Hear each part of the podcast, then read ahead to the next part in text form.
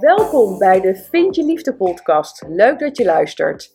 Mijn naam is Mira de Wild, transformatiecoach en therapeut gespecialiseerd in de liefde. En in deze podcast neem ik je mee in waarom het je steeds maar niet lukt in de liefde.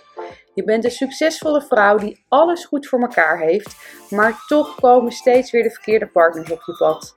De emotioneel onbereikbare man, een man met narcistische trekken, die maar op één ding uit is, die al in een relatie zit, of de man die zich niet kan wil binden. Misschien ben jij het wel die zich niet kan binden. Ben jij daar klaar mee en is het tijd voor jou om naar binnen te keren, zodat je wel de liefde gaat vinden? In deze podcast ontdek je hoe. Veel luisterplezier.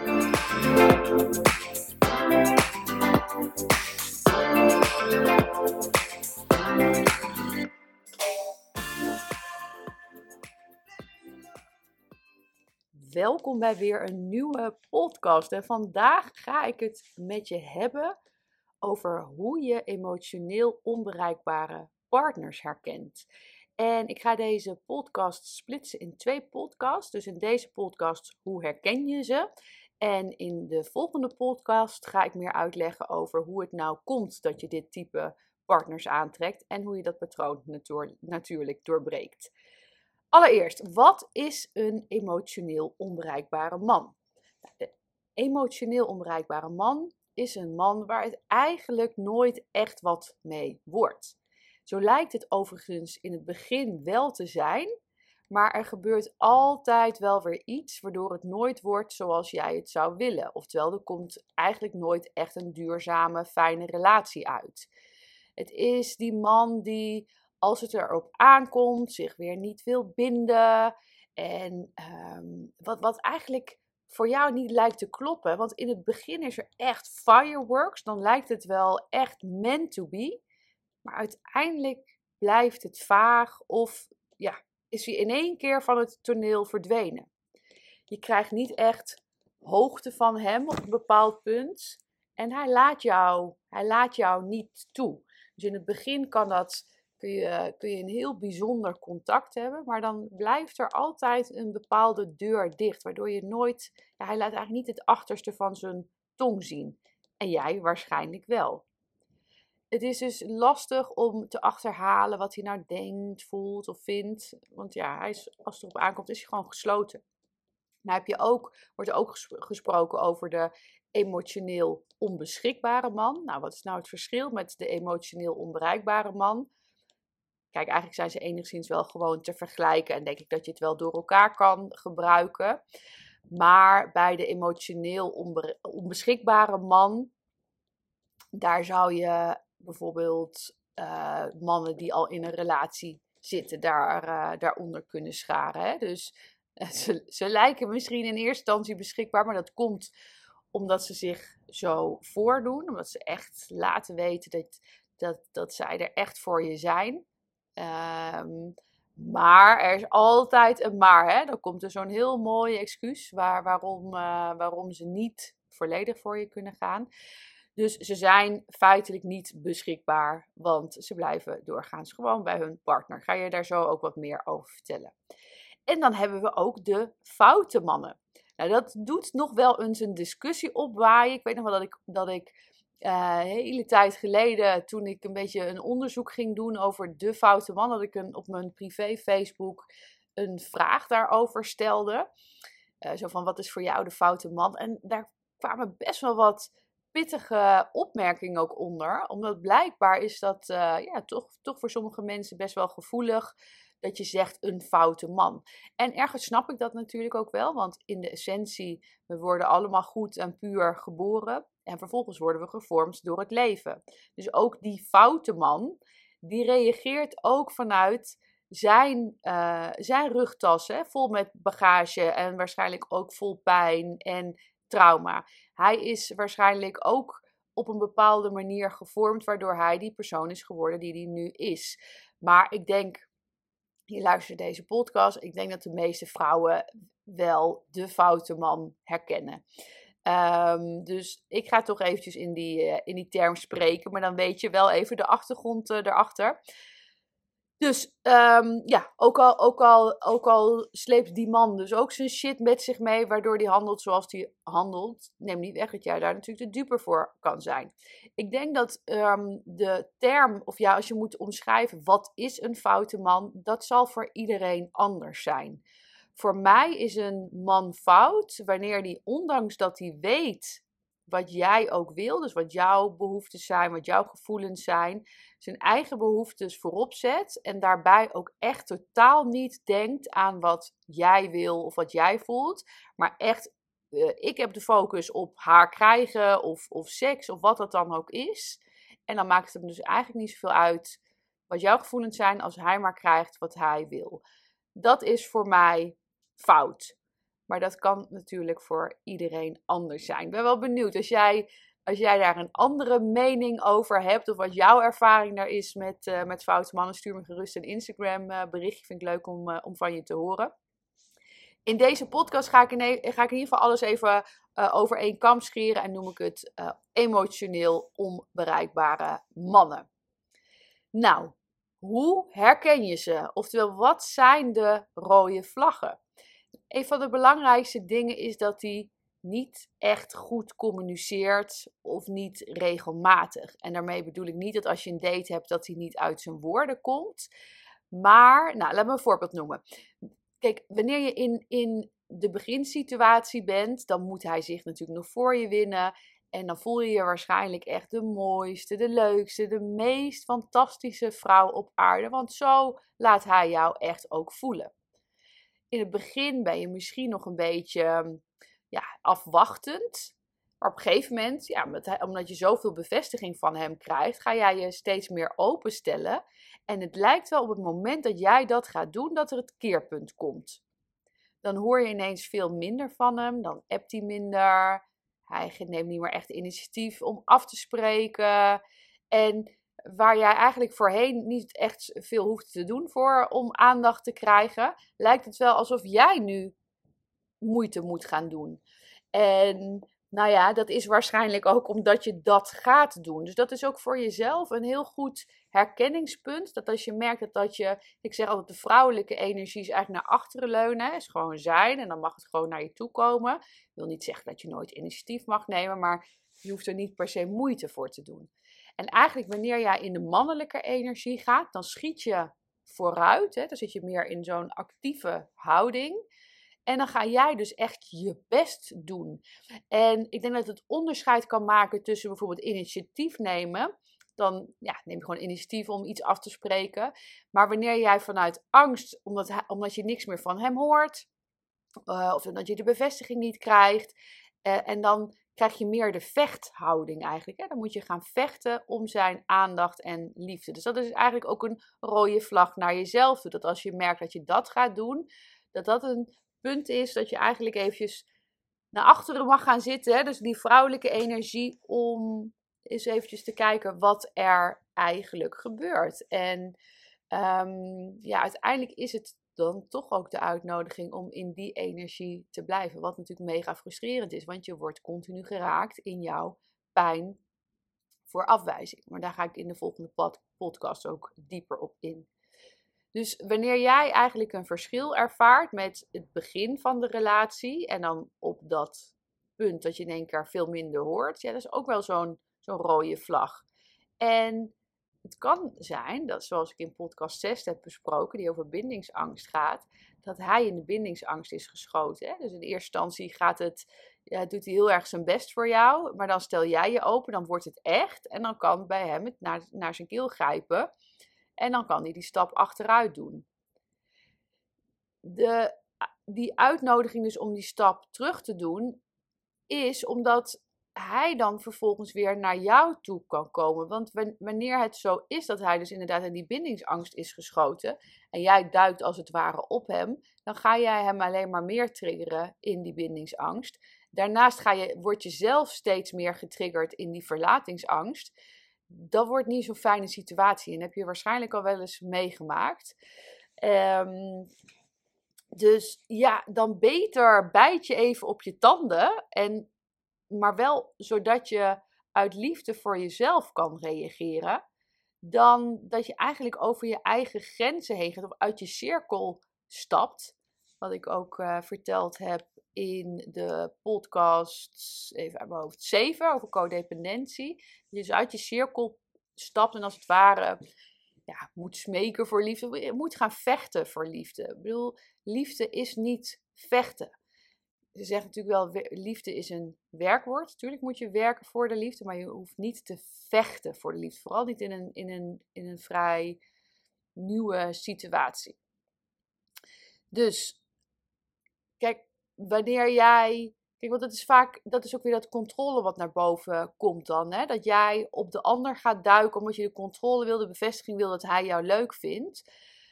En zou het hartstikke, is het, is het echt een uitdaging om dus naar achteren te leunen en te wachten tot hij die stap neemt. Maar uiteindelijk mag je jezelf echt gunnen dat een man ook echt bij jou wil zijn. En dan is het zo mooi om te reageren uit liefde voor jezelf in plaats voor de aandacht en liefde die je wil van iemand die eigenlijk jou dan niet zo verdient.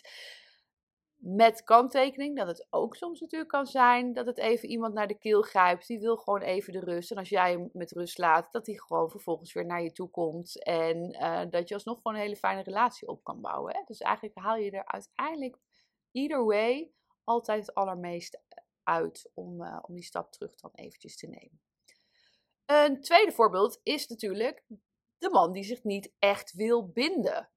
En ook hier begint het vaak in het begin met allemaal geweldig en leuk.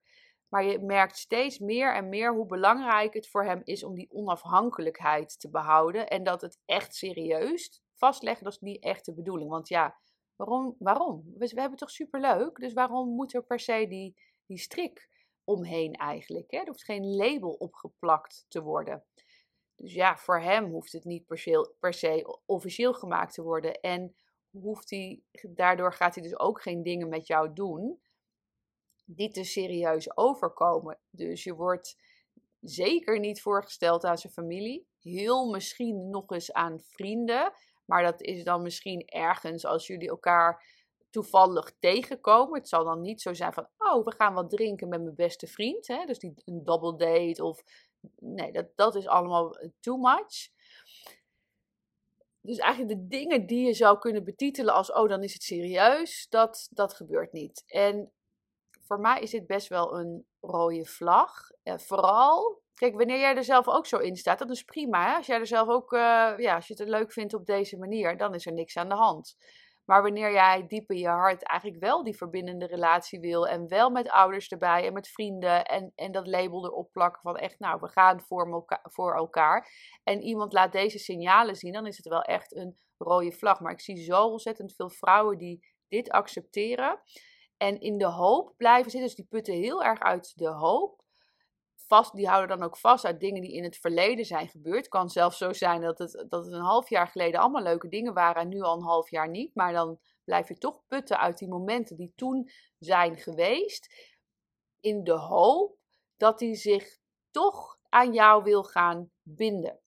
Nu wilt het natuurlijk niet zeggen dat soms hebben mensen gewoon wat meer tijd nodig om dat commitment aan te gaan. Hè? En, en dat wil dus ook helemaal niet zeggen dat als iemand die stap nog even niet durft te nemen, dat je meteen een rode vlag, toedeledokie en ik stop ermee.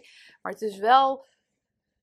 De, ja, het is natuurlijk wel handig om hier naar te blijven kijken. Dat, hoe lang gaat die situatie door? Want ik zie echt vrouwen die een jaar, al dan niet jaren, in zo'n situatie blijven zitten Terwijl ze eigenlijk liever wat anders willen. En daarin dus eigenlijk enorm over hun eigen wensen en verlangers heen gaan. In de hoop dat het wel een keer goed gaat komen. Maar ook omdat je dan eigenlijk ook weer genoegen neemt met die kruimeltjes. Hè? Want ja, je krijgt in ieder geval wel wat. En dit is dan beter als dat jij er een punt achter zou moeten zetten. Want dan heb je helemaal niemand. Dat doet dan zo'n pijn. Dan maar liever dit. En vaak zie ik ook dat dan uiteindelijk de relatie, nou ja, relatie tussen aanhalingstekens toch uitgaat. En dan heeft diegene binnen een maand in één keer een vaste relatie of binnen een half jaar een kind met iemand. Hè? Zo, dat, dat hoor ik zo ontzettend vaak. En dan denk ik, ik snap er helemaal niks van.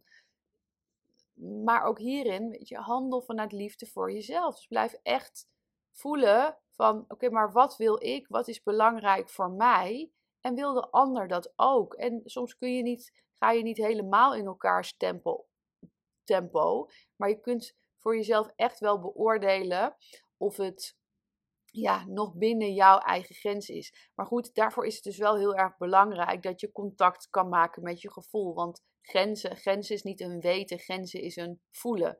En wanneer je dat contact met je gevoel niet meer hebt, dan is het dus ook heel moeilijk om die grenzen te kunnen waarborgen en daarna te handelen. Dus daarom is het zo ontzettend belangrijk om weer terug te kunnen gaan naar je gevoel. Maar goed, daar ben je waarschijnlijk al een tijdje uit of je vindt het spannend om er naartoe te gaan.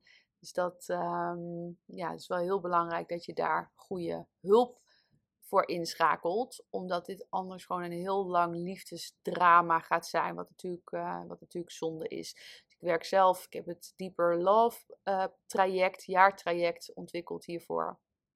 Allerlei mooie methodes in zitten. Waardoor je weer in staat gaat zijn om naar dat gevoel toe te kunnen gaan. En dat is natuurlijk ook een hele, heleboel met shit verwerken. Maar wanneer je weer dat contact met je gevoel hebt, dan ga je je grenzen ook gewoon weer aanvoelen. Dus dat is echt wel heel erg belangrijk. De derde, dat is ook een beetje een inkopper. Hij heeft al een partner. Ik had het net daar ook al over. Hè? Overduidelijke rode vlag. Maar goed, als het zo simpel was, dan gebeurde het niet zoveel. Hè? Want laten we eerlijk zijn. En ik weet dat er een enorm taboe op ligt. En vooral een heel groot oordeel. Maar waarschijnlijk heb je zelf al wel eens een keertje ervaren dat je een relatie had met iemand die bezet had, uh, was of is. En zo niet, dan is er vast wel een vriendin in jouw omgeving die dit heeft meegemaakt. Dus dat komt natuurlijk veel vaker voor. Ik ga hier echt een hele podcast aan, uh, wijden. Want nogmaals, ik vind dat er heel makkelijk geoordeeld wordt over deze vrouwen die in deze situatie terechtkomen. En is het charmant? Nee, natuurlijk niet, maar vooral niet naar zichzelf toe. Want uiteindelijk ga je ook hier enorm over je grens heen, omdat je zo het verlangen hebt naar de liefde. Je eigenlijk laat, ja, toch ook wel een beetje laat manipuleren. Want dit type mannen, die laten jou natuurlijk voelen alsof jij wel hun ware liefde bent. En uh, soulmates en weet ik het wat allemaal. En ze hebben allemaal een prachtige reden waarom ze niet thuis weg kunnen. Dus of ja, voor de kinderen is het niet goed, of mijn, mijn vrouw is ziek, of de, mijn, schoonvader is net overleden, of weet ik het wat. Allemaal de perfecte reden om niet weg te kunnen gaan. Waarbij jij ze natuurlijk gelooft, maar ook heel graag wil geloven. Maar ze geven natuurlijk, ze doen, ja, ze, ze maken de mooiste complimenten. Ze laten je echt wel voelen dat jij super geweldig bent. En dan kom je weer en ga je weer putten uit die hoop eigenlijk dat het toch goed gaat komen.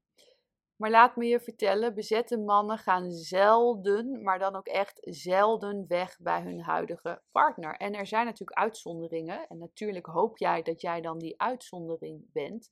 Maar het is eerder een uitzondering dan een regel. Maar nogmaals, de meeste doen je natuurlijk wel voorkomen dat je een kans hebt. En dat maakt het natuurlijk ja, een lastige situatie. Want je bent verliefd, je wil het zo graag. Hij, doet je, hij laat je voelen dat jij het wel voor hem bent. Dan is het heel moeilijk, ook wanneer jij je, ja, jezelf echt nog wel stukken onverwerkt trauma hebt. Want anders uh, laat je je, denk ik, echt niet in met dit type man. Want wanneer jij dat contact hebt met je gevoel en, en wanneer je dat hebt, kan je pas ook echt zelfliefde voelen. Dan is dit niet goed genoeg voor jou.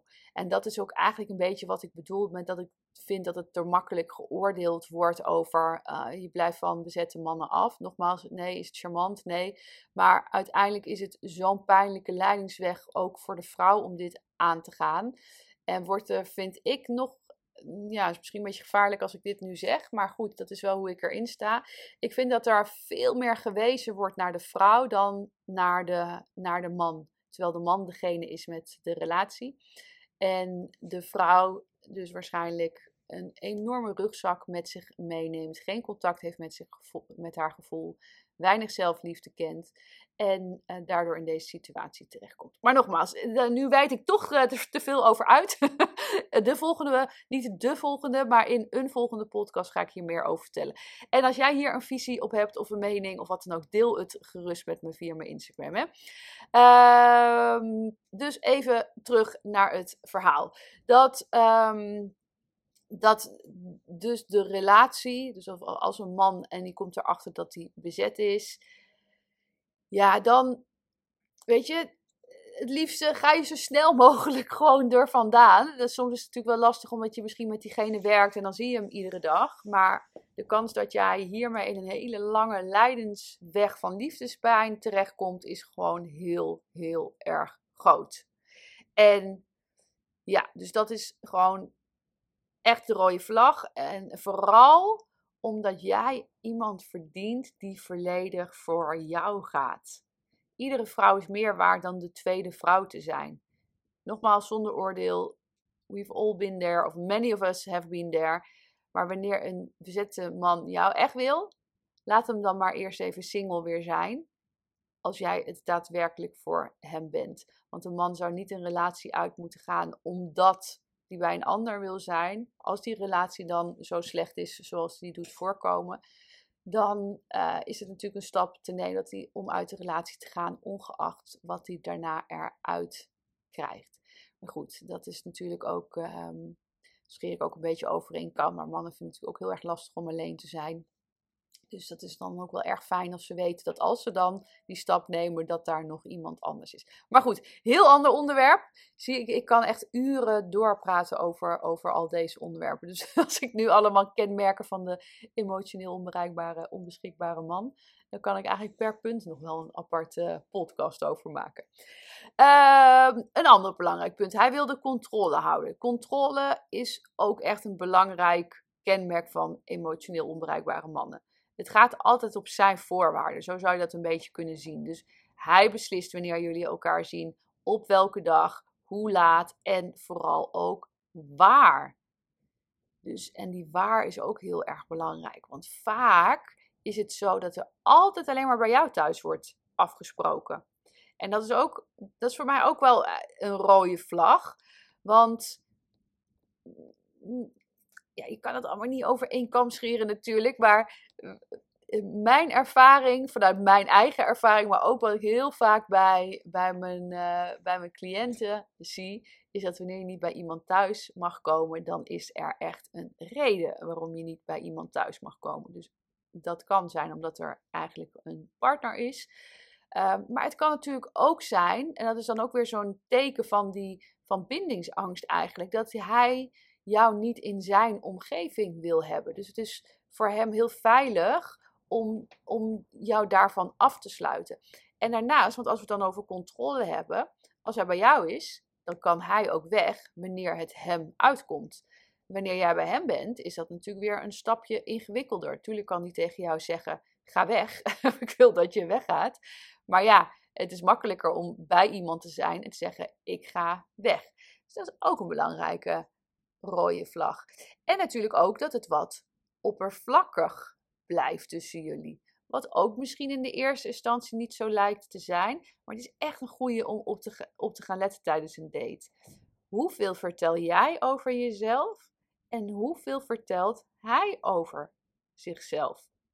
En vaak zul je erachter komen dan, wanneer, de, wanneer het dus echt een rode vlag is, dat jij dus het achterste van je tong eigenlijk al hebt laten zien maar dat je nog niet zo heel veel weet van hem.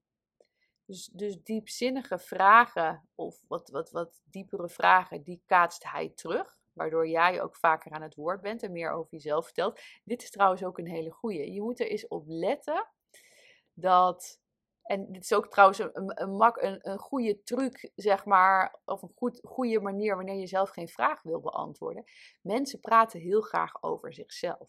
Dus wat gebeurt er wanneer jij iemand een vraag stelt die die niet wil beantwoorden? Dan stelt hij die vraag terug. En echt 9 van de 10 mensen gaan vervolgens over zichzelf praten, omdat de mensen over het algemeen liever over zichzelf praat. En zijn dus vergeten dat ze die vraag ook aan de ander hebben gesteld. Of die ander is er dus lekker mee weggekomen. Dus ja, achter zijn echte emoties kom je niet. Die houdt hij lekker veilig bij zich. En daarom komt er eigenlijk ook nooit echt die diepgang. Hè? Dus die echt die emotionele connectie, die blijft dan natuurlijk uit. Plus dat jij gewoon ook niet zo goed weet wat er in hem omgaat. En dat is natuurlijk best wel frustrerend. Nou, ik denk dat ik best nog wel wat meer uh, rode vlaggen kan bedenken. Maar dan wordt het een hele lange podcast. Wanneer jij nog, nog voorbeelden hebt, ook dan uh, stuur, me, stuur me gerust een, een Instagram. Want ik vind het echt altijd leuk om van je te horen. En dat is natuurlijk nu de vraag: waarom trek je emotioneel onbereikbare mannen aan? En nou ja, dat is misschien een twist die je niet ziet aankomen, tenzij je me al wat langer volgt. En tot nu toe heb je het misschien nog niet zo gezien. Want zie je het ook als de schuld van, van de mannen, hè? Maar in de essentie ben jij waarschijnlijk ook niet helemaal echt beschikbaar. En dat denk je wel, want in je hoofd zie je dat hele huisje, boompje, beestje verhaal uh, helemaal zitten. En wil je niks liever dan dat. En lukt dat niet door die mannen die steeds uh, op je pad komen. Wat eigenlijk stiekem ook heel veilig voor je is. Want je hart is vaak of heftig gebroken. Of je vindt het, en je vindt het daardoor dus lastig om je hart te openen. Uh, vind je het dus, waar ik het al eerder over had, moeilijk om ook echt in jouw gevoel te zitten. Dus echt het diepe contact met jezelf te maken. Heb je niet meer de verbinding dus met jezelf. Waardoor het dus ook weer lastig wordt om je intuïtie uh, te raadplegen en hierop te vertrouwen en naar te handelen. Dus ja, dan is binden stiekem eigenlijk ook wel lastig wanneer iemand volledig beschikbaar voor jou is. Hè? Want dan heb je daar natuurlijk weer een excuus voor. Want dan heb je weer allerlei redenen waarom die toch niet zo leuk is. Of het kan natuurlijk ook zijn dat je de, mannen of de liefde gewoon nou, niet meer zo vertrouwt. Daar ga ik meer over vertellen in de volgende podcast. En voor nu wens ik je in ieder geval een hele fijne dag, avond, weekend, op welk moment je dit ook aan het luisteren bent. Vind je mijn podcast interessant, dan uh, kun je je natuurlijk abonneren op dit kanaal. En dan krijg je altijd een update wanneer ik weer een nieuwe podcast live heb. Tot de volgende. Doei doei!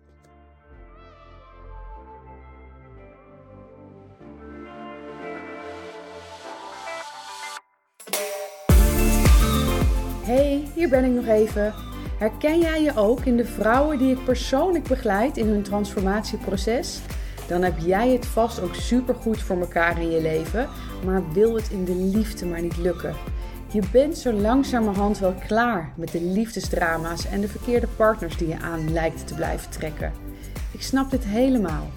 Spreek het je aan om de liefde, warmte en genegenheid niet langer te zoeken buiten jezelf, maar in jezelf?